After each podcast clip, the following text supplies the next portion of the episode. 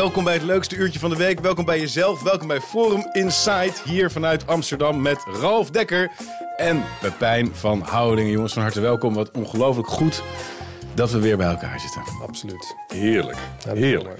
We hebben een heleboel interessante ontwikkelingen te bespreken. Ik heb zelf een bizarre dag gehad, maar een superleuke dag. Die uh, ik met jullie wil gaan delen. We hebben ook weer post. Ik heb ook nog wijn gekregen van jullie, van de kijkers. En ik heb een heel bijzonder boek dat ik kan presenteren. Want daarvan heb ik zojuist per post vers van de pers de eerste exemplaren binnengekregen. En die verschijnt later deze week. Dus het is echt heel spannend. Maar, Ralf, wat doen we elke weer altijd? Ik zou het bijna vergeten. ik schaam me te zeggen dat het een draaidop is vandaag. Ja, het is gelukt. Dit is uh, een Chardonnay uit de Vrijstaat Ravenstein. Die heb, ik, die heb ik een keer gekregen bij een bijeenkomst, uh, bij een forumbijeenkomst.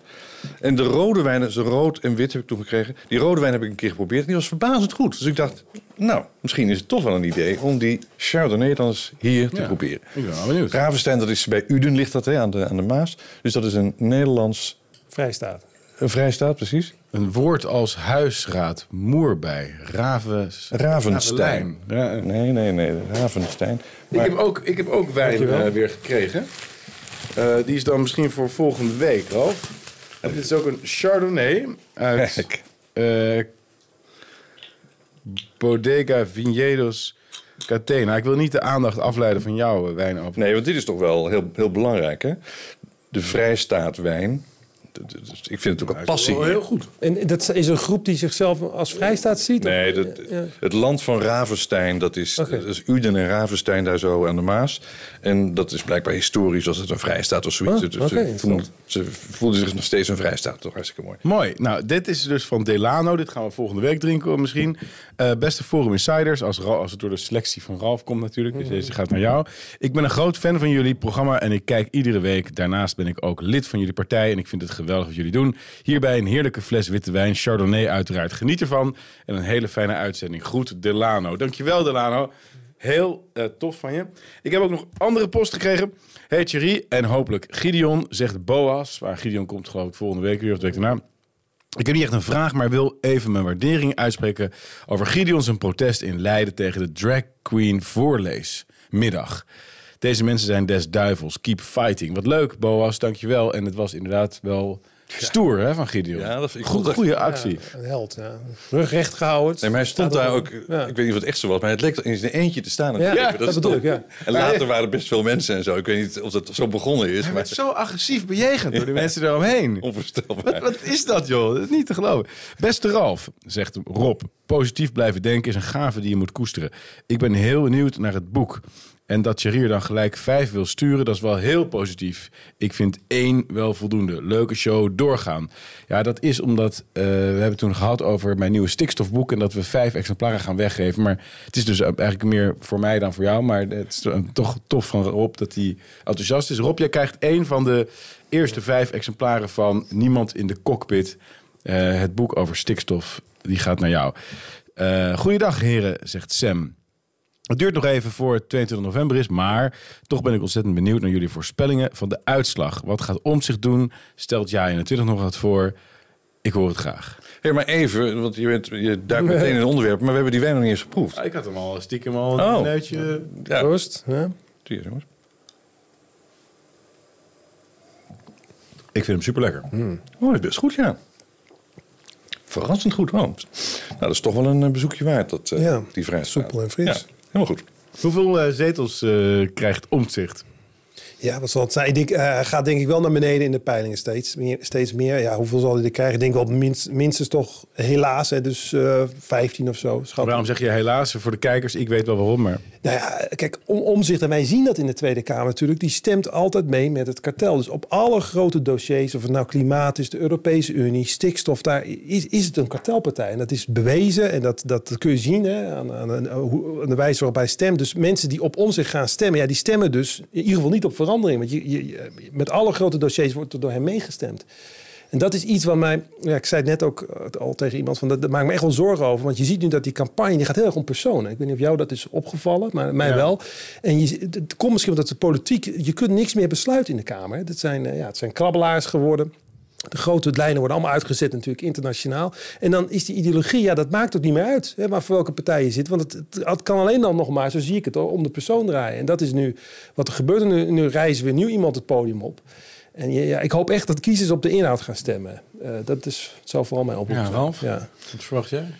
Nou ja, ik vind sowieso de ontwikkeling interessant. Omdat je ziet bij de BBB-partij... dat het ja, als een soort vuurpijl is opgestegen... Ja. maar ook weer een beetje neerkomt. Hè. Het is natuurlijk heel moeilijk om dat momentum vast te houden. kan ik me wel voorstellen. Eh, en het verschil tussen de partij van Omtzigt en BBB... is volgens mij zo groot niet...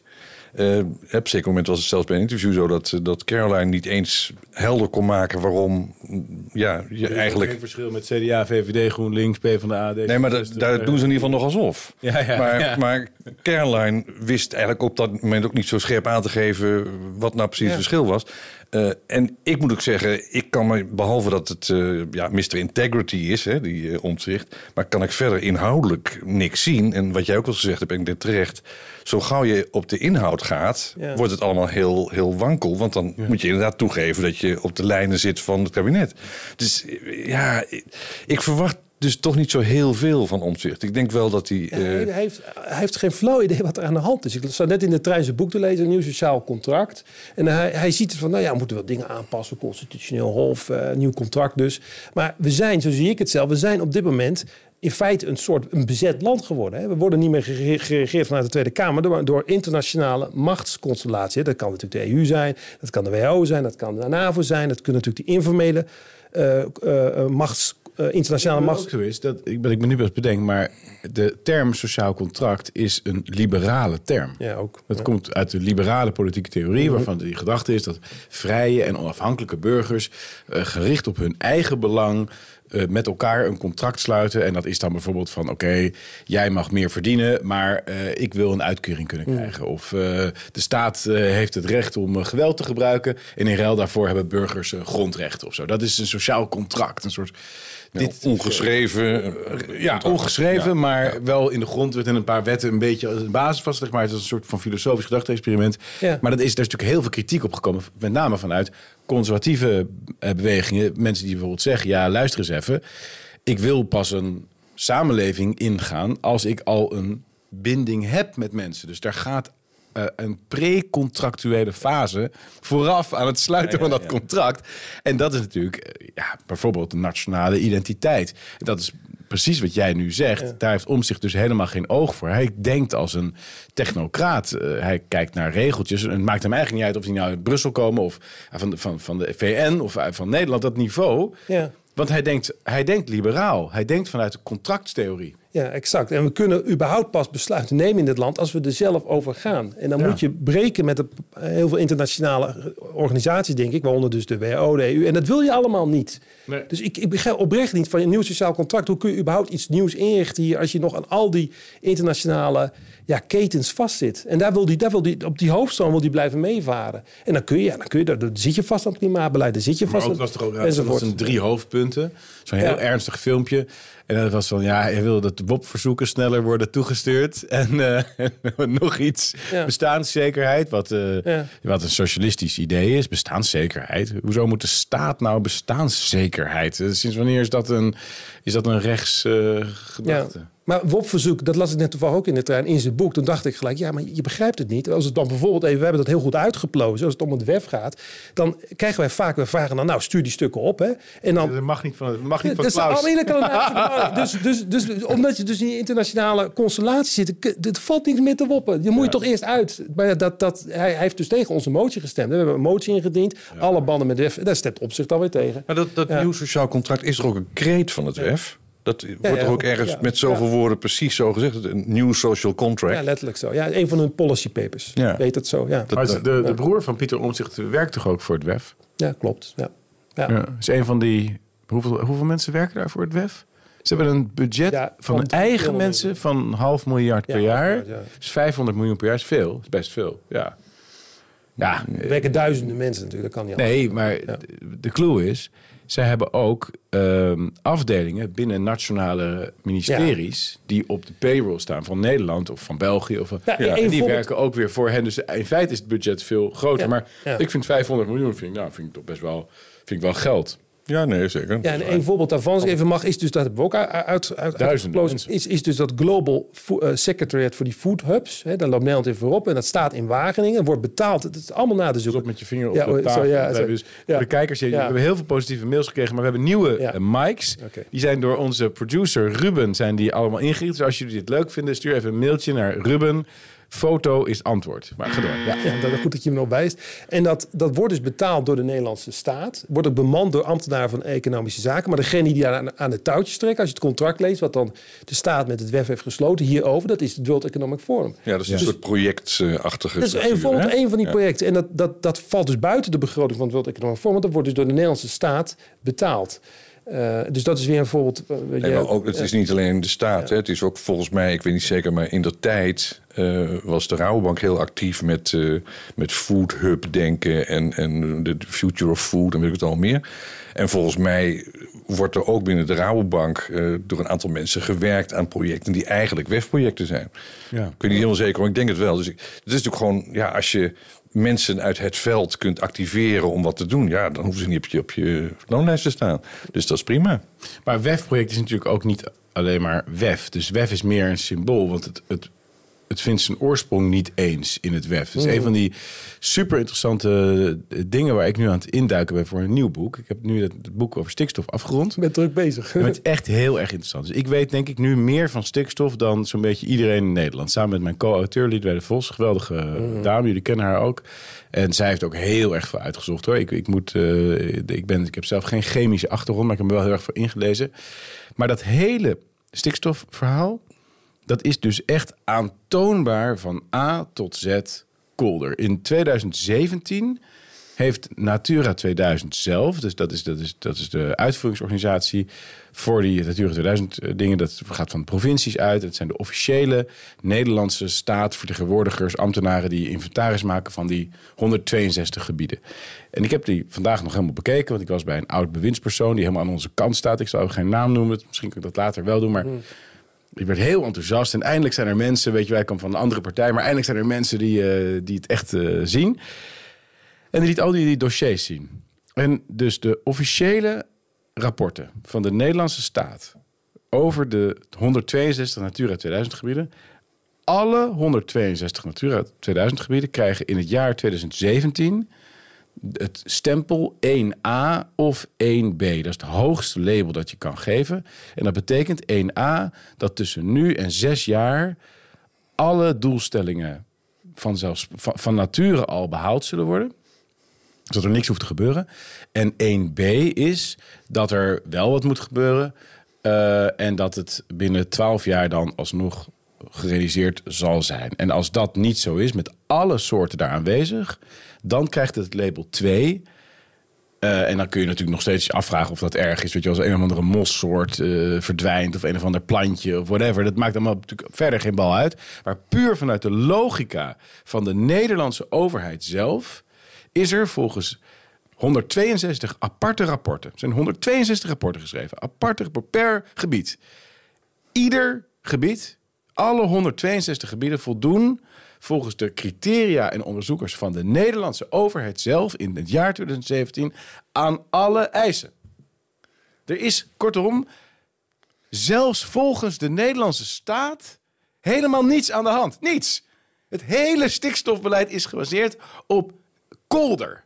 Op onzin. Nou, dus ik ben vandaag ook gegaan naar de stikstofprofessor van Nederland. Man, die, ik ga ook die naam even nog niet noemen. Maar het komt allemaal in het boek, jongens. Binnenkort kun je het allemaal in huis gaan halen. Het wordt echt, het is zo, zo gaaf. Maar dat is de man die het stikstofbeleid en zo. Die ziet er helemaal. Man, die man is gewoon transparant. Weet je, die heeft er zo lang vegetarisch gegeten. Dat je gewoon helemaal door hem heen kan kijken. En je ziet gewoon meteen. Verder aardige kerel hoor. Ik heb ook eh, gewoon we hebben respectvol een uur lang gepraat. Maar elke vraag die ik stel, een doorvraag. Wat vind je daar dan van? Uiteindelijk is het antwoord ja. Maar het gaat ook uiteindelijk niet om stikstof. We weten allemaal, het gaat uiteindelijk om het terugdringen van de eh, ja, menselijke uitstoot. Mens consumeert gewoon te veel. Er wonen gewoon veel te veel mensen op aarde. Ja. En toen dacht ik, dat zeg jij ook altijd, Ralf. Ja. Jij hebt altijd gezegd, uiteindelijk zijn het Malthusianen. En dat is zo. Ja, dat is zo. Want ik zei op een gegeven moment, wat vindt u nou van, van Thomas Malthus en eh, de Club van Rome en de grenzen aan de groei? Op een gegeven moment te glunderen. Ja, dat is heel interessant. En alle voorspellingen zijn uitgekomen. En zo. Ik zeg, alle voorspellingen zijn uitgekomen. Het tegendeel, weet je wel. Maar dat is, dat, dat is het. En dat hele stikstofverhaal, en dat kunnen we echt aantonen. Harder dan dit kun je het gewoon niet krijgen. Vandaag is de laatste dag dat we echt nog eh, research deden. Volgende week gaat het allemaal naar de zetter. En dan gaat het naar de drukker en is het boek af. Maar we hebben nu gewoon het knockdown bewijs. Ik heb het in mijn handen gehad. Ik heb het gezien. We hebben kopietjes gemaakt. we hebben het allemaal... al- Dit zijn officiële rapporten. Stempel erop van de Nederlandse overheid. Het is van A tot Z bij elkaar gelogen. Maar het leuke... Schokkend. Ik vond het ook... eh, ik zag Gideon in zo'n commissie Ja, ja. over eh, natuur en de kwaliteit van de natuur. Die was gebaseerd op onze... Ja, ja, dat, begreep ik, ja. Maar dan, het is, het is pas leuk als je bij diversiteits, biodiversiteitsverlies ook gaat praten, over waar hebben we het dan over. Hè? Nou, dan heb je inderdaad, dan praat je heel concreet over 500 zoveel soorten en dan deze, deze soort vlinder en, en, en die slak en die dit. eh, en die is dan hetzelfde gebleven. Of, uiteindelijk zijn er dan vier. tapijt, ja, waarvan er ja. maar twee te maken hebben met stikstof of zoiets. Nee, het is Ja, ja, ja. totale onzin. Maar je zag ook die andere Zo kijken, zo van... Hè, waar heeft, waar heeft hij het Hè? over? Maar dit, hij, heeft in- hij heeft inhoudelijke kennis. Maar hoezo? Ik ben toch Kamerlid? Ik hoef alleen maar op hoofdlijnen een beetje... Ja, dat was ook veel zeggen. Dat zei de- na het debat ook. Van dat, dan confronteert hij de minister daarmee. En de minister weigert dat dan ook te erkennen. Het zijn haar eigen rapporten. Ja, maar ze ja. wij- dus je zit in een, ja, in een hele bizarre situatie... dat je het zelfs over rapporten die ze zelf uitbrengen... Dat wij, daar weigeren ze dat als startpunt van een discussie te nemen. Dan, nee, dat is niet zo. En zonder dat verder te onderbouwen. Ja. Het filmpje komt denk ik nog wel Nee, maar dat, aan. wordt, ja, dat is natuurlijk niet conform wat er normaal gebeurt. Dus het, eh, als je plotseling met allerlei details aan komt zetten en die in een bepaalde context dat plaatst. is het dus. Die bewindspersoon waar ik het over, eh, waar ik mee in gesprek was vandaag, oud bewindspersoon, dus oud minister, die dus helemaal aan onze kant staat. Die vertelde dat, hij was heel gefrustreerd. Hij vond het fantastisch dat wij daar waren. En hij- ik zei, maar wat is er nou gebeurd met die rapporten? Hij zegt, ik, ik klop aan bij Op1 en bij Jinek en bij dingen om te vertellen. En dan zeggen ze, nee, maar u ontkent de wetenschap. Ja. En hij zegt, hoezo de wetenschap? Dit zijn de officiële overheidsrapporten. Nee, maar wij hebben in de krant gelezen dat... eh, en, eh, Ja, dat eh, de- Dylan en van Christiane van der Wal en Rutte hebben zelf gezegd dat. En, en dat volgen gewoon al die redacties. Nou, dat doet me denken aan, was het Gundogan? Die, die, die riep... Ja, lees een keer de Lees krant. gewoon de krant. Ja. Zo van, ja, dat, Het is echt ongelooflijk. Maar het enge is dus dat... eh, Het boek over stikstof, ik heb het gekozen omdat het natuurlijk aan de ene kant is het een klein en overzichtelijk onderwerp. Dus je kan het echt helemaal uitzoeken. Je kan gewoon alles, alle stukken, alles. En aan de andere kant, de impact is gewoon helemaal mega. De, eh, je, nou, de autorijden weten we natuurlijk, maar vliegen, Schiphol wordt gekort. Alle grote industrie, de haven Rotterdam, Tata Steel, ASML, noem het allemaal op. Allemaal aan banden. Al die boerenbedrijven, de hele agrarische sector wordt gewoon om zeep geholpen. Ja. We hebben nu ook een rapport. Dus we hebben dan die kritische waarden, weet je wel. Hoeveel mag je maximaal uitstoten? En dan moeten alle dingen terug worden gedrongen. Maar ze hebben er ook berekend... als je nou alle menselijke activiteit in Nederland zou stoppen. Dus je hebt Nederland, maar dan wonen er geen mensen meer. Dus even min 17 miljoen.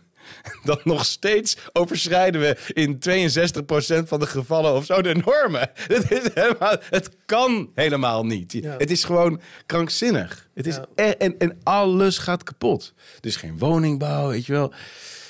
Nee, maar de belastingen ja, en- nu, de En accijns. dan is het voordeel van dit hele onderwerp dat het puur Nederlands is. hè. Dus je kunt nog een keer kijken van ja, maar bij de grenzen enzovoort is het anders. En, eh, dus dan heb je een punt. Maar bij, bij het klimaat Ja. is dat nog veel erger. Want het is exact hetzelfde. De hele wereld. Maar dat is de hele wereld. Dus daar, daar kun je ook nergens meer een, een onafhankelijke wetenschapper aanspreken. Want die zijn allemaal zitten die eh, verbonden aan die, aan die logica. Want als ze daar zich tegen uitspreken, dan is hun carrière voorbij en zo. Dus dat is wereldwijd. Hè? Ja. Je hebt wel net zoals bij corona met die Great eh, Barrington Declaratie ook klimaatwetenschappers die zich wel uitspreken. Die Ja, ja, al dat jaren. geen klimaatcrisis is, maar die worden natuurlijk nergens uitgenodigd. Nee, nee, dat, dat, dat is gewoon. Zo- zo gaat dat is dat. career suicide als je dat, eh, Ja, als je dat, dat, ook. zegt. Over dat internationale van dat stikstof had ik nog wel een grappige. Want eh, boeren die worden dus nu uitgekocht. Hè?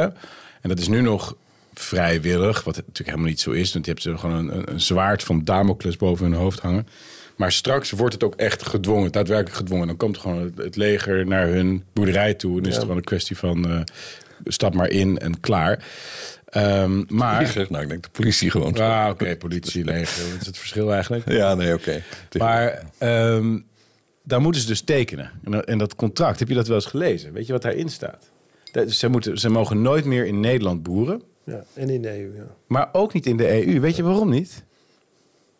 Nou, officieel volgens mij zeggen ze dat is dan concurrentievervalsing. Concurrentievervalsing. Ja, ja, ja. Als ze een keer uitgekocht zijn, zou dat dan. Maar ze zouden dan nog wel naar Canada of zo kunnen vertrekken. Maar het is, natuurlijk absurd. Het is een beroepsverbod. Dat is wat het is natuurlijk. Ja. Ja, maar gewoon oh, absurditeit van de EU-regels. Dat, het dus, dat is dan dus concurrentievervalsing. Nou ja, dat, is dat, is dat je- zo onlogisch? Je, je, Met je wordt uitgekocht. eh, eh, en ja, Als ik, als ik een bedrijf heb en ik, eh, ik verkoop dat, waarom mag ik dan niet opnieuw een ander bedrijf beginnen in, in, in, Polen? Het slaat toch helemaal nergens op? eh, nee, maar je wordt uitgekocht met als argument dat, dat we er minder van willen hebben. In Nederland.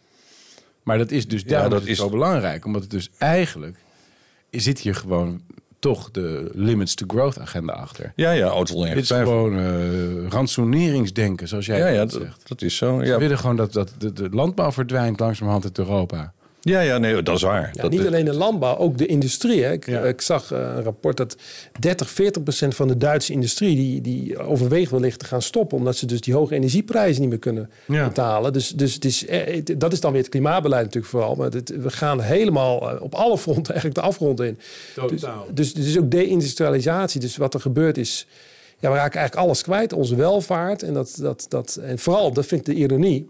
Degene die daar natuurlijk het zwaarst door getroffen zullen gaan worden... zijn mensen met laag inkomens. Hè? Want die zullen de eerste zijn die de hogere voedselprijs niet kunnen betalen. Ja. Dus die, die, die hele gekke combinatie groen-links... Dat, daar klopt ook al niks van. Want daar gaan ze dus zwaar inzetten op die groene agenda. Maar het zijn vooral mensen met een kleine beurs. Hè? Dat is dat rode element. Toch? Ja, of niet? ja, en dan, Iedereen dan krijg je Ja, dus... iedereen, maar ja, ja, ja. Dan krijg je een sterkere verbondenheid met de staat, want die mensen moeten geholpen worden. Ja. Dus dan krijg je toch weer allerlei eh, aanvullende staatsinterventies Ja, en weer meer touwtjes die mensen aan de staat vastbinden. En dan zijn ze makkelijker te beheersen. Dus het heeft allemaal wel een, een effect Ja. van een, een steeds volgzamere bevolking. Want als je je uit gaat spreken of anders gaat doen eh, en je zit met tien touwtjes aan de staat vast, ja, dat kan je toch niet zo gek veel permitteren. hè? Dat is, Ja. Die logica gaat dan wel steeds, eh, steeds meer op. Dus ik vind ook, het is alles bij elkaar een, een vrijheidsbeperkende ontwikkeling. Dat zie je gewoon aankomen. Ja, ja, die staat wordt steeds groter en machtiger. Ja, ja. En de- het grappige is ook dat als je voorstelt, nu ook weer, dan is het te weinig geld. Nou, dat snap ik, want er moet allemaal geld naar Oekraïne, weet ik wat. En als je dan voorstelt van jongens, laten we gewoon eens minder geld uitgeven. Nee, er wordt gewoon voorgesteld, hoe komen we nou tot een voldoende funding voor de staat? Dus dan moeten we huiseigenaren gaan belasten en moeten meer zus en, en weet ik wat. In plaats van dat je zegt van ja, wacht even, we moeten dus op de een of andere manier die kosten terugdringen. Nee, de- de- we moeten de, de opbrengsten verhogen. Hè? Dat is, eh, Ja. vanuit, het, vanuit de staat is dat voortdurend dat denken. Ja, ja. Ja nee, dat En als we dat met besluiten krijgen, is er weinig aan de hand. Dat was vorig jaar ook al zo. En dat wordt alleen maar erger. Ja. Nee, dit is het pad waar we op zitten. De, de road to serfdom. Ja, dat het wordt, wordt, wordt, die Maar- staat is de, de, groot, de grootste bedreiging. Maar Ja. precies omdat wij dat onderwerp belangrijk vinden, hebben wij met Amsterdam Books het volgende boek vertaald. Kijk. En uitgegeven. Dat is nu net, dat, dat verschijnt deze week, eind van deze week. Kapitalisme, de tien grootste misvattingen over kapitalisme. Ehm, het is geschreven door Rainer Zietelman. Dat is een wereldberoemde econoom uit Duitsland. Het is ook een onwijs dik boek. Maar het is dus echt, het is zo goed. Het is echt, het laat precies zien wat jij nu beschrijft. De road to serfdom. Dus, dus de, de sluipende... En Huub Schaap heeft het weer vertaald. Ja, Huub Schaap heeft het vertaald. Dus heel goed vertaald, moet ik zeggen. Echt heel mooi vertaald. En eh, ja, ik ben er heel trots op. Want ik mis totaal het inzicht dat het de vrije markt is die we nodig hebben. En niet de staat. Ja, het is echt heel mooi.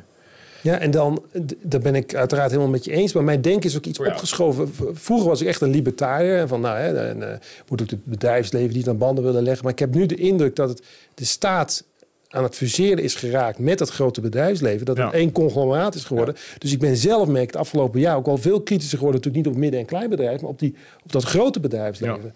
Dat, ik weet niet hoe jij daar tegenaan kijkt. Want dat is, dat is natuurlijk ook een symbool van het kapitalisme. Begrijp je wat ik bedoel? Ja, dat hyperkapitalisme. Die, dus ja. die, die hyper-multibiljonairs. Of, eh, Ja, die oligarch in feite. Ja. Ja, die, eh, wat- precies. Dat, is een, een, ja, dat zijn entiteiten geworden die zijn machtiger dan staten. Ja. Ehm, en ja, dat is een kapitalisme van de verkeerde soort. Hè? Want dan heb je niet meer te maken met een, een soort eerlijk vraag- en aanbodachtig spel of zoiets dergelijks. Maar dan, is het, dan kun je gewoon hele markten bepalen. Eh, zeker samen met overheden. Ja, dat, Ja. dat gebeurt ook gewoon. Ja. Eh, hè, die big techs bijvoorbeeld, die kunnen gewoon eh, ja, de- de- hele maatschappelijke invloed uitoefenen van een type wat je helemaal niet wil. Want dat is dan buiten alle democratische controle om. Ja, dividendbelasting afschaffen. eh, Ja, Nou ja, dat- bijvoorbeeld. precies. Dus ja, we worden misschien eh, nog wel een beetje, een beetje links op deze manier. Ja, nou ja, ik probeer ook altijd de, de, zeg maar, de waarde van de andere kant op te nemen. En ik, denk, ik, ik ben voor de goede ben absoluut geen Marxist. Maar soms denk ik die processen die we nu zien, hè, de kritiek op kapitalisme, daar zit wel iets in. In de zin van wat ik net zeg, van dat dat grote bedrijfsleven, zie ik ook wel als een, eh, als een gevaar. Vooral als dat fuseert met de staat. Dus, dus aan de ene kant hebben we de staat die op ons afkomt en dat grote bedrijfsleven wat, wat, Ja, wat daarmee samenwerkt. dingen wel die, dingen, die Zietelman uitlegt dat de, de, dus de, de fusie die we nu zien Ja, en de, de gro- grote multinationals, dat, dat is eigenlijk corporatisme, zegt Ja, hij. ja. En kapitalisme kan alleen functioneren binnen een staat ook, binnen een Hm. nazistaat. Dus het is wel eh, heel kritisch ook juist op wat jij nu beschrijft. Ja. Ja. maar Nee, ik, ik vond het een Ja. fantastisch boek. En Heel ik ben heel benieuwd. trots dat we het kunnen uitgeven. Maar ik denk ook dat dit ook weer zo'n voorbeeld is van een onderwerp wat helemaal vergeten is in de, in de hoofden van mensen. Ook het belang van eerlijk geld. Hè? Hebben we nog niet zo over gehad. Maar al die superinvesteerders die worden ook zo rijk omdat ze vooraan staan als er weer quantitative easing plaatsvindt. Weet je, als er weer enorme kapitaalinjecties. En dat wordt natuurlijk naarmate het verder de economie inzakt, minder waard. Want die inflatie die slaat toe. En op het moment dat het de gewone mensen bereikt, dan, is, dan kun je er al niks meer van kopen. Maar zij zijn als eerste aan de beurt met grote kapitaalinjecties. En hebben wel nog heel veel vastgoed kunnen opkopen, bijvoorbeeld. Andere dingen. Dus er, ons systeem is absoluut kapot. En iedereen die denkt dat wij nu in een kapitalistisch systeem leven, die vergist zich. Want de Ja. staat is almachtig. Nou, je ziet bijvoorbeeld, een, een mooi voorbeeld is dat, eh, dat Bud Light verhaal. Ja. Hè, je, hebt, je hebt eh, Bud Light, dat wordt dan geweldig eh, gehyped met een, met een trans eh, meneer of mevrouw, ik weet niet hoe je het moet noemen. Ehm, in ieder geval, dat heeft pakt dan helemaal verkeerd uit. Jawel, maar, nee, maar let op. Dan gaat dus dat, de waarde van het aandeel, die giert naar beneden. Ja. Ehm, en ja, Bud Light wordt aan alle kanten wordt, belachelijk gemaakt en zo. InBev komt dik in de problemen. En dan is het aandeel helemaal laag. En dan gaat Bill Gates bijvoorbeeld, die stapt voor 100 miljoen aandelen in. Eh, en anders nu aan de, aan de orde. Hè? Ehm, want dan, nou ja, dan kun je het vervolgens weer upbieven. En dan gooi je die, eh, die CEO eruit. En eh, zeg je, dit was stom, wat we niet moeten doen. En je herbouwt het weer. Gigantische verdiensten. Dus als je de combinatie hebt dat je zowel de media en zo'n hele hype kunt organiseren. En je bent ook nog een keer commercieel aan het investeren. Dan, ja, ik vind dat dus een soort kapitalisme wat ik, wat ik echt wat me tegenstaat. Want dan ben je niet in een eerlijk spel bezig. Nee, dan ben je gewoon dat spel, de spelregels zelf aan het verzinnen, hè, zou ik maar zeggen. En dat is voortdurend aan de orde. Maar dat is ook zo met George Soros. Die verdient dan gewoon geld aan een eh, regime change. Eh, Ja. Dat steunt hij met Open Society, weet je wel. Dan allemaal mensen de straat op, die betaalt hij. krijg je een soort eh, revolutie. Een speculatie tegen. Alle, ja, en dan is het helemaal niks meer waard. En dan Ja. koop je alles op. En dan eh, krijg je een soort, ja... Of- Nou dat is. Oekraïne nu, hè? Dat, is natuurlijk, eh, dat wordt ook door dat soort krachten bepaald. Hebben jullie dat gezien wat Elon Musk heeft eh, bekendgemaakt? Dat is eh, Starlink, dat hij Starlink niet ter beschikking heeft gesteld voor een verrassingsaanval op de Russen. Ja. En vervolgens van hij is dat hij dus het FVD-standpunt heeft over Oekraïne, dat hij weer vrede wil en dat soort dingen allemaal. Ja, hij is heel bezorgd was over. wel positief verrast. Oké, hij is heel bezorgd en heeft, heeft goede dingen denk ik, te zeggen over die Oekraïne-oorlog. Maar uiteindelijk, dat vond ik, dat vond ik het meest verrassend. Hij, hij heeft toch wel Starlink toch uiteindelijk ter beschikking gesteld. Dus ik had de indruk van, het wordt blijkbaar ook, ook op hem zoveel toch Ja. druk uitgeoefend dat hij dat, terwijl hij het eigenlijk niet wil. Want dat geeft hij ook in die tweet aan van, ja, ik ben ineens in oorlog verzeld geraakt, wat ik eigenlijk ook niet wil. Maar toch doet hij het. Uiteindelijk heeft hij Starlink Ja, wel. Nee, heeft het, Of niet? Het was niet geactiveerd. Ja. Eh, en zijn verhaal is van... ehm, er wordt een roddel verspreid dat hij het heeft gedeactiveerd. Ja. Hij zei nee, het was nog helemaal niet geactiveerd. En mij werd een spoedverzoek gestuurd of ik het wilde activeren. Ja, oké. Het ging over onderwaterdrones, hè, om die hele vloot. eh, Ja. eh, Maar- ja, ik weet niet, eerlijk gezegd niet helemaal zeker of ik dit allemaal moet geloven hoor. Ik ik vind het moeilijk om te. Om, Hij maakt zichzelf misschien groter dan hij... ja, en, en hij maakt Starlink heel groot en hij maakt X heel groot. Want iedereen zegt eh, van ja, eh, eh, Daar gebeurt- X, het, voor, het voormalige Twitter. Dat wordt overal, het is gewoon een, een commercieel bedrijf, hè, X. Dus inmiddels wel. Ja. Het was dus een FBI-operatie. Dus, en toen Maar- kocht Elon Musk het. En toen werd het ineens een bedrijf. Dus die, die, Musk is, is een ongetwijfeld een handige joker. Maar of dit nou allemaal waar is, of dat het aangedikt is, of, of ik vind het heel moeilijk. Ik, kan me haast, tegelijkertijd heb je wel shadow banning en allerlei toestanden, ook weer op dat X. Eh, dus het is ook niet zo dat het een, en wat hij dan noemt, dat hij de, de fundamentele eh, eh, First Amendment free speech figuur is. Nou ja, ik weet niet. Of is het First of Second Amendment? Ik weet het niet. Maar goed, Volgens mij is eh, First, fir- first. Second Amendment the right Ja, to bear to bear arms. arms is First Amendment, oké. Ja, Maar dat, ja, ja, absoluut. Nee, dat laat ook zien hoe ontzettend belangrijk Amerikanen vind ik altijd de vrijheid van meningsuiting eh, vinden. Want het is natuurlijk helemaal wapengek, maar dat is de second. De first is toch wel even nee. dat je mag zeggen wat je wil zeggen. Hadden wij dat maar, weet je. Ja, ja, ja, ja. ja. Maar ik vind dat is toch, het- het is zo tegenstrijdig allemaal. Aan de ene kant heeft hij die, die, die Italiaanse eh, achternaam dame aangenomen. Ja. Om, eh, Ja. ja, ja. eh, weet je, Cacerino of zo, ze Nee, Eh, Die had, heeft hem ook openlijk helemaal bekritiseerd dat hij te veel rare tweets doet. Dus heb je dat gezien Ja. op het forum? Ja, ik, eh, ja. En eh denk ik je van, echt was awkward. Waarom heeft hij die nou aangenomen? nou ja, Ja. juist met het oog op investors of zo. Ik geen idee, maar hij heeft het geen investors nodig volgens mij. Eh, maar dat is aan de ene kant. En volgens mij zijn die policies ook helemaal niet zo versoepeld. En aan de andere kant hangt hij dan de, de kampioen eh, free speech uit met dit soort dingen. Eh, en kun je free speech uiten over dit soort. Dit is Ja, ja. toch wel, dit lijkt mij toch wel staatsgevoelige informatie. Ik kan het niet zomaar over twitteren. Van nou ja. eh, ze vroeg of ik dit wilde vrijgeven, maar deed ik niet of zoiets. In een oorlogssituatie vind ik ook raar. Dus ik, Ja, dat is raar, ja. ik, ja, ik vertrouw het allemaal niet zo. Ja. Ja, Jens heeft ook hele dubieuze gevoelens bij Musk. Hè. Altijd is, aan de ene kant is natuurlijk, althans dat zegt hij, vrijheid van meningsuiting. Aan de andere kant zit hij ook in dat transhumanisme, hè, dat is, hè, met die Neuralink. Ja, Dat is heel, heel, heel... dat ja. de ene helft is van het eh vrijmetselarij teken. En dat is inderdaad zo. Ja, hè, waar, doet. Moet ik keer misschien aan Wieberen vragen hoe dat zit. Want, eh, misschien eh, weet is het even zijn tijd daar. Maar ehm, ehm, ik had dus nog een derde ervaring vandaag. Dat is namelijk dat eh, een hele bekende radiopresentator... Ik denk wel dat een van de bekendste interview-radioprogrammamakers van Nederland... de afgelopen decennia... Die eh, bleek fan van mij. En, en helemaal leuk. En die wilde eh, mooi echt een interview maken van een uur. Weet je, heel interessant. En dan helemaal voor zitten en zo. En dan belt hij me vandaag op. Eh, heel verhaal. Ik denk dat hij wel twintig minuten monoloog afstak. En ik kan het niet verkopen. En eh, ik, ik word weggezet als een dit. En je moet het toch begrijpen. En dat kan toch niet. En eh, ja, kijk, een paar jaar geleden was het anders met je. Maar nu, dat, eh, je, moet je mij niet verwijten. Maar dat gaat toch niet. En zo. Helemaal zo. En toen dacht ik, wat is dat toch interessant? En, en ik vond het ook wel jammer, want ik vond, het altijd, ik vond hem wel een goede, echt een goede, serieus goede interviewer.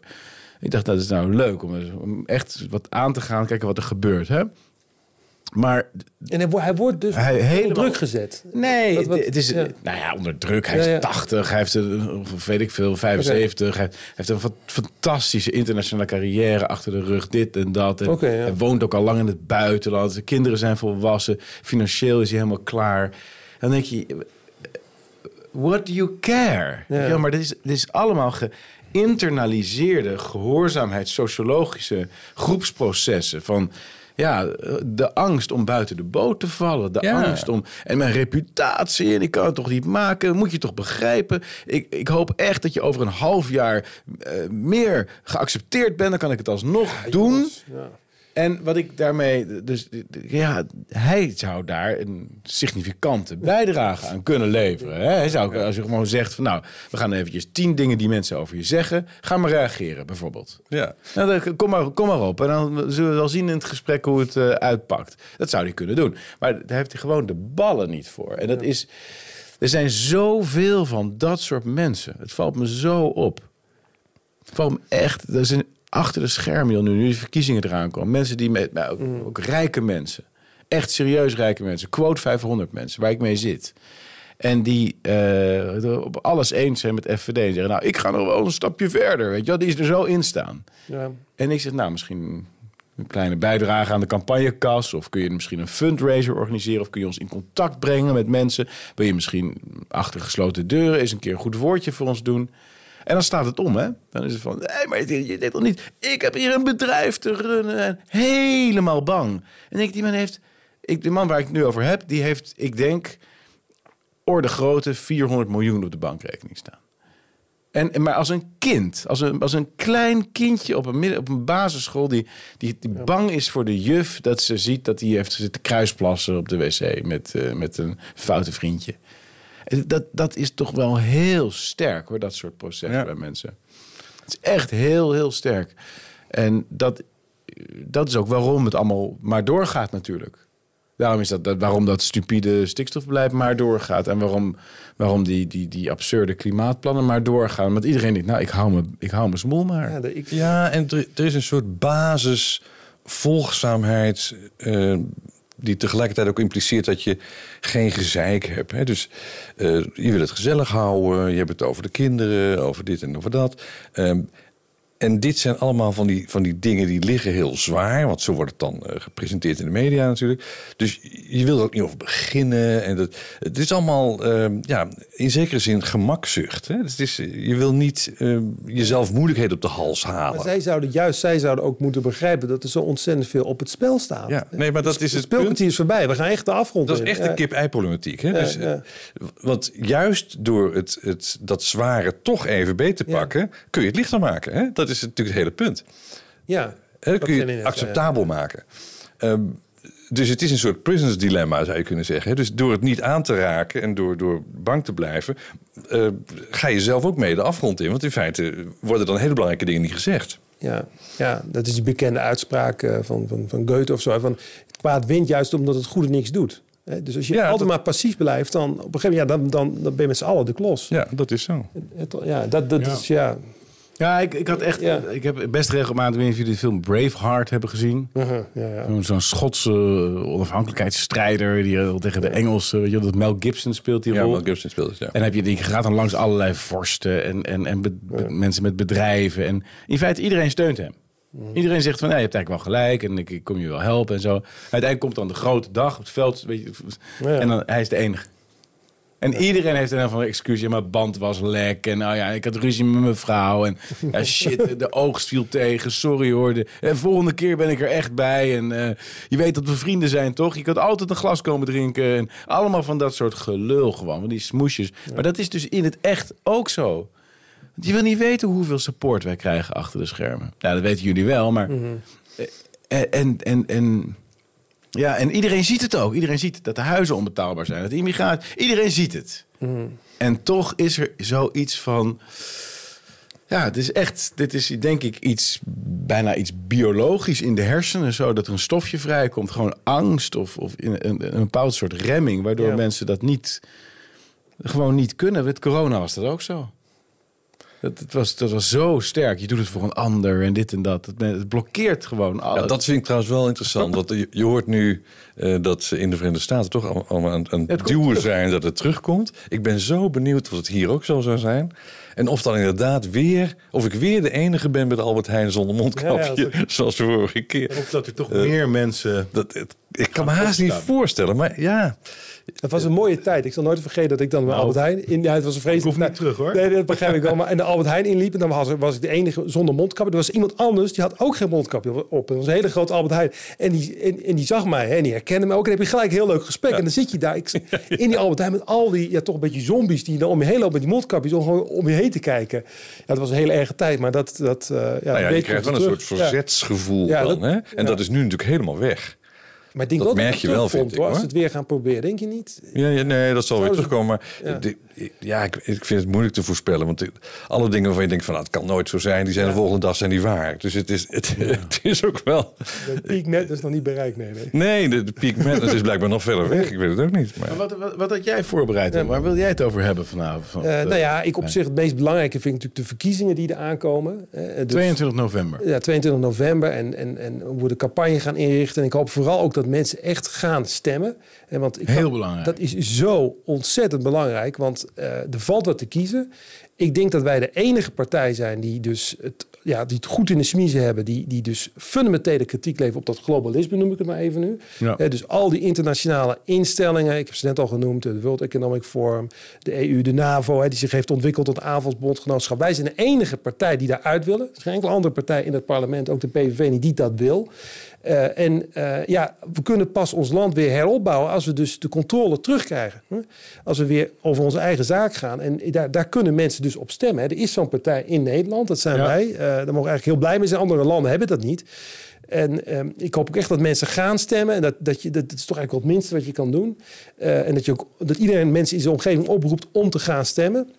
En eh, dan, dan, kunnen het beste, dan heb ik echt vertrouwen dat we een goede uitslag tegemoet kunnen gaan. En als ik dat nog even mag toevoegen, Thierry.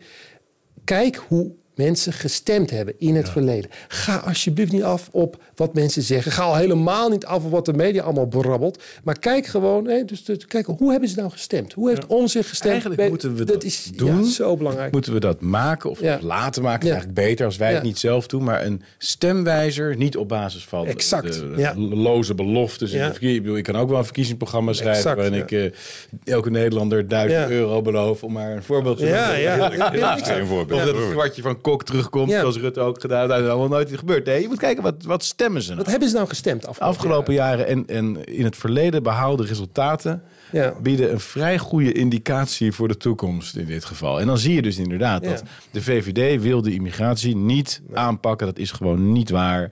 Dat gaan ze ook niet doen. Ja, we hebben, ja, we hebben een motie ingediend uh, bijvoorbeeld. Maar ook om zich. Ja, Ja, zoveel voorbeelden. stemgedrag. Oh, Ja. teleurstellend. Ja, hij heeft tegen een motie gestemd die zich uitspreekt tegen eh, het geleidelijk aan toewerken naar een Europese superstaat. Nou, daar stemt, maar één voorbeeld te geven, daar stemt om zich tegen. Hij stemt eh, voor het klimaatbeleid. Eh, wij hebben een motie ingediend, ik zei net al, banden verbreken met het WEF. Nou, daar stemt om zich ook tegen. En zo kun je bij BBB hetzelfde zeggen. Dus, dus kijk, ik heb, ik heb er vrede met iemand wel geïnformeerd. Bijvoorbeeld zegt, nou, ik stem op BBB om zich om die niet reden. Maar wees er zeker van dat je goed geïnformeerd bent en dat je dus niet stemt op een illusie, maar gewoon stemt op datgene waar zo'n persoon voor staat. En daar kom je achter door te kijken hoe die in het verleden heeft gestemd. Ja, Ja, dat is Ja. waar. Dat is Ja. waar. Nou, er is toch zo'n stemwijzer, of niet? ja die is, Niet dat ik weet, maar als, Ja. het zo is, Ik dan... dacht, eh, dat, ja. in het verleden daar was er toch zo eentje. Volgens mij bestaat die wel. ja, Ja, is dat zo? maar goed. Meestal op basis van verkiezingsprogramma's, hè, wat Jenny net zei. maar jij wilde nog meer zeggen, volgens mij. Je zei het eerste is ga stemmen, heel belangrijk. Maar wat... wat Nou ja, en het tweede inderdaad, dat heb ik net al een beetje gezegd. Wat ik wil zeggen, is van kijk dus hoe mensen, wat ik net al heb Ja, gezegd, oké, dat zij- dat dat, dat vind ik heel belangrijk voor de, voor de campagne die we gaan voeren. En ik hoop ook echt dat we onze leden, die hebben we zo hard nodig, dat die massaal meehelpen. Hebben natuurlijk nu dat, dat, dat, ehm, dat affiliate hè, eh, programma Ja, gelanceerd. heel belangrijk om uit te leggen. Ja. Ga, als je eh, fvd.nl slash content... ja. We hebben een heel eh, geavanceerd systeem. Het wordt nog veel mooier. Maar je kunt dan je aanmelden om toegang te krijgen tot onze library, onze bibliotheek van filmpjes. Een heel archief van filmpjes. En die mag je posten op je social media met een individuele link van jouzelf. Waarmee mensen eh, kunnen doneren voor onze campagne. Ja. En 10% van die donaties die krijg je terug. Dus eh, je kunt geld verdienen door FVD te steunen. Ja. Je kunt dus iedereen kan dit doen. fvd.nl slash content. Ieder, iedere Nederlander kan, kan zich aanmelden. En dan krijg je toegang tot al onze filmpjes. Je kan Ja. ook zelf filmpjes uploaden. Als je dat leuk vindt om filmpjes te maken. En dan kun je onze campagne steunen. En dan krijg je hopelijk... We hebben nu al meer dan 100 mensen die zich hebben aangemeld. Oh, Eh, en dat gaan we zo meteen activeren. En dan krijg je dan meteen misschien wel duizenden mensen... die allemaal onze content delen. Ja, dan kun je die zichtbaarheid vergroten. Ja. En dan kun je ook hele grote aantallen mensen gaan bereiken. Dit- ja. Ja, misschien nog e- heel even over dat stemmen. Want ik denk dat het belangrijk is dat eh, mensen die op ons willen stemmen... ook mensen in hun omgeving activeren... Ja, ja. die het gevoel hebben van... nou, dat stemmen heeft toch geen zin of zoiets. hè, Weet je wel?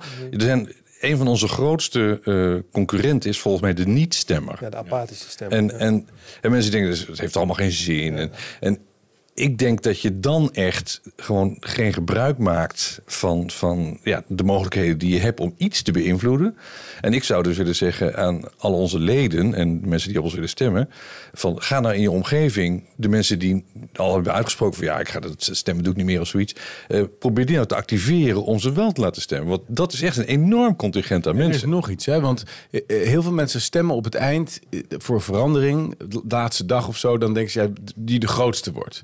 Heel veel, dat zie je bij alle verkiezingen. Dan is het bijvoorbeeld een eindstrijd tussen eh, Rutte en Samson bijvoorbeeld. Of straks misschien tussen Dylan en eh, Timmermans. En dan denk je, ja, ik wil toch iets veranderen. En- Maar dat wordt dan vaak helemaal beleidsmatig ingestoken.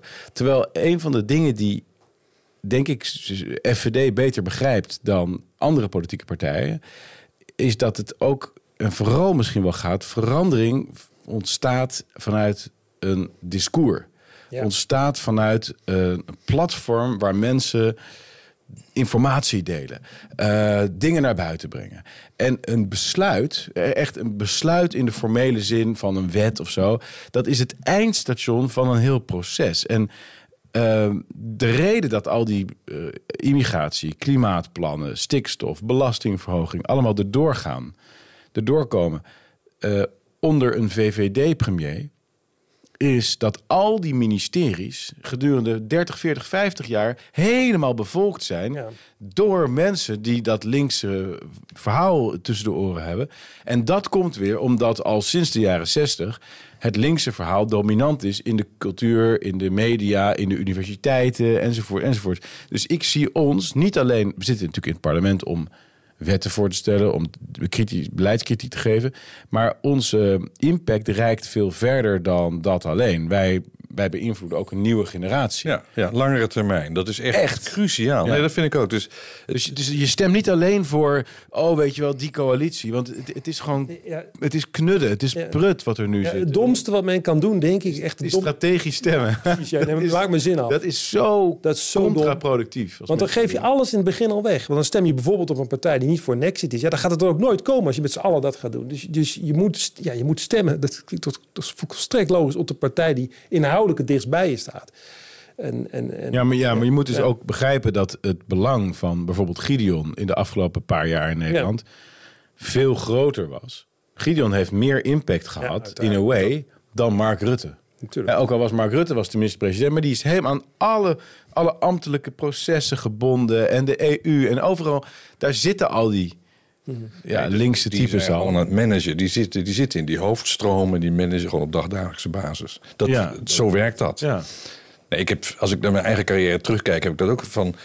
waarom heb ik niks fundamenteels gedaan? Want ik, ja, ik was, was gewoon technocratisch bezig met de hoofdstroom... waar ik kon wat te verbeteren, zou ik maar zeggen. Maar niet te veranderen. En dat is, dat is Nee, wat je in de waarschijnlijk politiek... je het ook te druk. Je had gewoon eh, tien landen die je managed of nog Nou ja, meer. weet ik veel, maar en- de- je, wordt, je, wordt, reizen. je wordt geleefd door je agenda sowieso. Dat hebben die mensen natuurlijk ook Ja. allemaal. Eh, je hebt bijna geen tijd om over de hoofdrichting na te denken. Maar die is er ook gewoon. En er is al een hoop werk om te zorgen dat er niemand uit de Überhaupt, boot valt. ja. En ja, ja zo, zo werkt het gewoon. Ja. Dus eh, het is helemaal niet zo, dat, dat vind ik altijd een misverstand... dat mensen ergens, hè, dat, dat een Mark Rutte of iemand anders... eh, in zijn vrije tijd wat aan het goochelen is met de richting of zo. Helemaal niet. Hij is wel blij als hij zijn, zijn, zijn dingen die operationeel voorbij komen... onder controle houdt. Ja. En dat is, ja, daarom is de impact van mensen zoals wij, die gewoon zeggen: ja, maar jongens, dit, dit is, eh, dit moet heel anders of dit is andersom, om, om allerlei goede redenen. Die impact is lange termijn veel groter Ja. dan van de managers die nu in verlengde limousine voor de rond gereden. Dat lijkt heel wat, maar die zijn gewoon uitvoerend bezig. slaaf van het systeem. Ja, ja, dat is echt zo. En wij bieden een, een fundamenteel andere route. En daar, daar kunnen mensen ook aan bijdragen. En we hebben nu, ja, het is nu eh, ja, precies twee maanden, eh, nou, iets, iets meer. Ver weg, hè? Twee, 22 nou, november dat is heel te denken. weg. Want BBB heeft nu al volgens mij de nodige spanning tussen de nummers 1 en 2. Ja, eerst was Mona Keizer premierskandidaat. En toen was het toch eigenlijk eh, ja, gewoon de nummer 2 die Nou ja, eventueel naar voren geschoven kan gaan worden. Nee, dat, vond ik, dat vond ik wel heel flauw. Want dat, was, dat was natuurlijk altijd al zo. Het was gewoon. Eh Caroline zelf zei van ja, ik wil geen premier worden. Eh, ten onrechte wat mij betreft, dat moet je nooit zeggen. Maar goed, dat, dat heeft ze gezegd. Eh, maar ik heb daar eigenlijk wel iemand op de lijst die ik wel naar voren zou kunnen schuiven. Uiteraard in het geval dat het überhaupt aan de orde is. Maar dat, de media die, die maken er dan iets van en die proberen. Dus eh, zij wordt even zeikerig benaderd door de media. Nou ja, nu misschien niet even, maar als, als wij en als PVV en als al die anderen. Gewoon, men zoekt naar eh, ja, inconsistenties. En als ze er niet zijn, dan creëert men ze wel om gewoon een beetje reuring te organiseren. Ik vind het wel grappig eh, om te zien, maar het is natuurlijk. Eigenlijk is het unfair, vind ik. Ik heb wel te doen met, met Caroline. Hoor. Ik vind dat ik vond het een aardige vrouw. Ze heeft het natuurlijk hartstikke goed gedaan. En nu zie je dat die, die hele hype is alweer aan het inzakken. Ja. Eh, ja, het is wel frustrerend. Ze kan geen mij. posities meer innemen. Ze gaat heel vaag brabbelen nu. Omdat Ja, ze natuurlijk iedereen tevreden moet Hij houden. heeft toch ook nooit is- posities ingenomen? Nee, oké, maar het is, het is nog, het, dat valt me wel op. Het is nu nog meer, nog vlakker geworden. En ik, in zover heb ik zelfs een beetje met haar te doen. Want inderdaad, ze werkt wel keihard. Maar ze heeft door dit, deze move, heeft ze volgens mij haar partij echt... Ah, eh, we werken allemaal keihard. Nee, oké, maar ze, oké, eh, dat is waar. Maar in, Ja, ik in- vind het allemaal maar- een beetje onzin hoor. Dit, dit, dit slappe hap. Ja. Nee, dit, het CDA heeft nu heeft zich gewoon, eh, heeft zich gewoon gedeeld. Er zijn Ja, nu dat drie. CDA's. Dat is waar, ja. BBB is gewoon CDA 2.0. Pieter Omtzigt is CDA 3.0. Dat is zo. En eh, tezamen is het CDA gewoon weer veruit de grootste partij van het land. En dus, volgens mij hebben ze het gewoon uitstekend slim gedaan. Ja. Ik, ik, ik zie geen... eh, weinig ideologisch verschil en ik, ik zie geen lucht tussen. Ik ben die- wel heel benieuwd naar eh, die lijst van, eh van Omtzigt. Want dat, dat krijgt natuurlijk bij al die groepen krijg je natuurlijk toch dat ja, de nummer eh, en als je nummer 18 staat, dan leek dat twee maanden geleden gewoon een zekere positie, dus mooi. Maar op een gegeven moment gaat, gaat de peiling naar beneden. hè. Dus dan zijn er nog maar 18 zetels op de peiling, of 16 of 15 of 14. En dan gaan die mensen zich roeren van wacht even, wat is dit? Eh, eh, dat, daar kan je gewoon vergif op innemen. Dat is natuurlijk bij de, bij de Ja. BBB zo. Dat wordt straks bij Omtzigt ook zo. Die scoort eerst in de peilingen 30 zetels of zo. Dus dan sta je nummer 20. Nou, Ja, ik heb het Geramd, hè? gemaakt. Hè? Ik heb dus 26 zetels gehaald in de peiling. Dat is ooit, geloof ik. Dat is het hoogste. fantastisch. Ja, ja. En als je dan op eh, 20 staat, denk je van nou, mijn kostjes is gekocht. Ik zit straks in de Ja, kamer. ja, ja, ja. En dan ga je naar Die beneden. mensen die, die Wow. komen ook om de haverklap komen die bij je buurt en koffie drinken. En die zijn je beste maatje. En dan in die, de ochtend dat die peiling, dat je naar de 19 zakt, bij zo'n spreken. Ja, dat is het toch... eh er is een beetje spanning in de lucht. Nee, dat gaat allemaal gebeuren. Dat gaat allemaal gebeuren. En dus die twee maanden, wat dat betreft, nog heel lang. Ja. En er gaat nog van alles. Ja, eh, ik, wat ik net al zei, ik denk, ik zie alleen maar, volgens mij Maurice de Hond zei dat ook. Dit, dit is vooral, dit, dit kan, dit, dit, dat zakt langzaam af, maar dan kun je het uitrekenen. Ze staan bijvoorbeeld nu op 30 zetels. Stel, er gaat een zetel per week af, dan hou je toch nog 20. En ik denk dat die heel groot deel van die mensen die in die 20 zetels straks zitten, als dat het wordt, ik hoop het van niet, maar ja, die komt bedroog uit. Dus, dus uh, en daarom ook, het gaat heel de erg. op- stemmers. De stemmers, ja. Het Want, gaat, wa- want waarom dan? Want denk je dat mensen wel die verandering willen? Nou, mensen, het, nou, het, het is echt wel een serieus punt, omdat ik zit veel op Twitter, zoals je weet. En het valt me op dat mensen die ik dan volg op Twitter, die denk ik best wel goed doorhebben hoe de vlag erbij hangt, hè, eh, die, die gaan dan, die vallen voor, en ik vind het, dat vind ik best griezelig, die vallen dan voor omzicht. Ik heb het gevoel dat wordt de verlosser.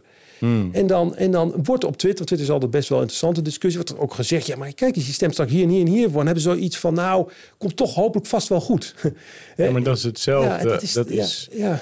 Dan denk ik, jongens, Maar uiteindelijk moeten we eh, Ja. meer begrijpen over eh, de groepsprocessen. ja. Het is niet rationeel. Wij hebben gewoon gelijk. Rationeel hebben wij gelijk. Economisch hebben wij gelijk. Democratisch hebben wij gelijk. ja. Dat, is, dat is vast te stellen. Maar, waar, maar kennelijk speelt er iets anders mee. Waar, waarom eh, twee derde van de mensen het niet in slaagt om te stemmen voor, voor wat zij zelf willen en wat hun eigen belang zou zijn. En wat ze ook zien. Mhm. Twee derde van de mensen was tegen die oorlog in, in Oekraïne in 2016 toen we het referendum hadden. Het ging gewoon over. We hebben gewoon een referendum gehad. En nu Mhm. staat heel Nederland te juichen voor- omdat we F-16 daarheen ja, sturen. we hebben Zelensky natuurlijk. Hè? Dat is ook wel een aansprekende figuur.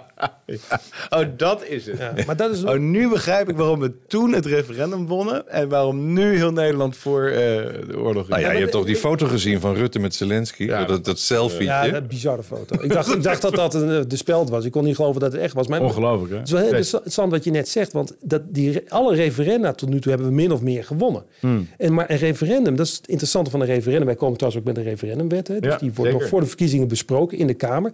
Is dat je op een onderwerp moet stemmen. Je wordt gedwongen om niet, niet meer naar de poppetjes te kijken. Want die doen er helemaal niet toe. Je moet op een onderwerp stemmen. En dan gaat het vaak wel goed. Ja. Om het zo maar te blijkbaar er worden dus, wat ik er worden continu clowns het toneel opgereden. En me- mensen raken kiezers in de war. Denken, moet ik op die of op die stemmen? Die gaan voor poppetjes. Je moet omdat het, een, verkiezing gaat natuurlijk over 22 onderwerpen tegelijk. dat ook is ook een de probleem. maximumsnelheid, de Ja.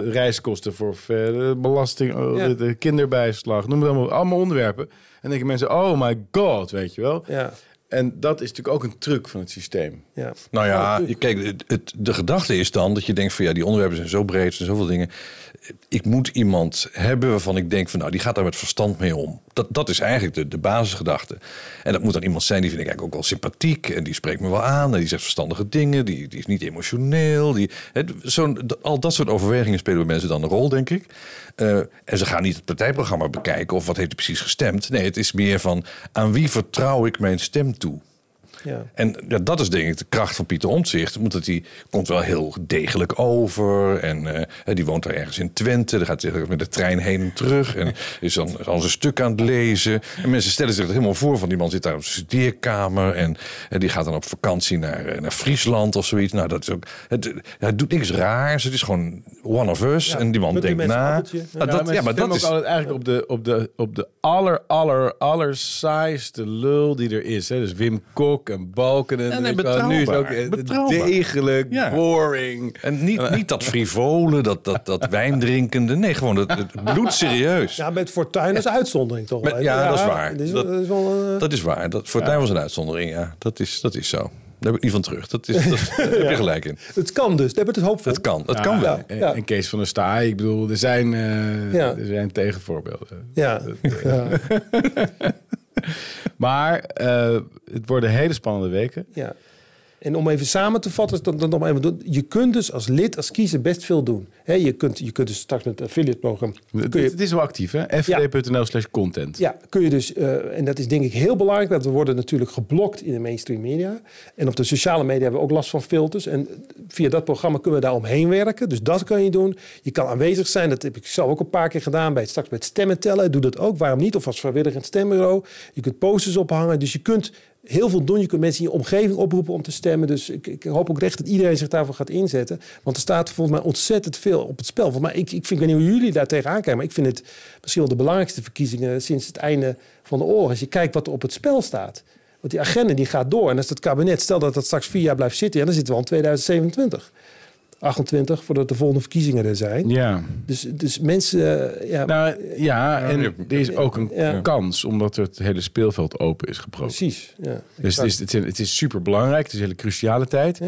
Maar het is ook een tijd waarin er ook echt electoraal iets kan ja, gebeuren. De, de, de, de- je- ik, ik denk dat er enorme bewegingen gaan komen. Ik denk dat, ja, over een maand tijd... dat er, er misschien zo wel 30 of 40 zetels qua peiling Ja.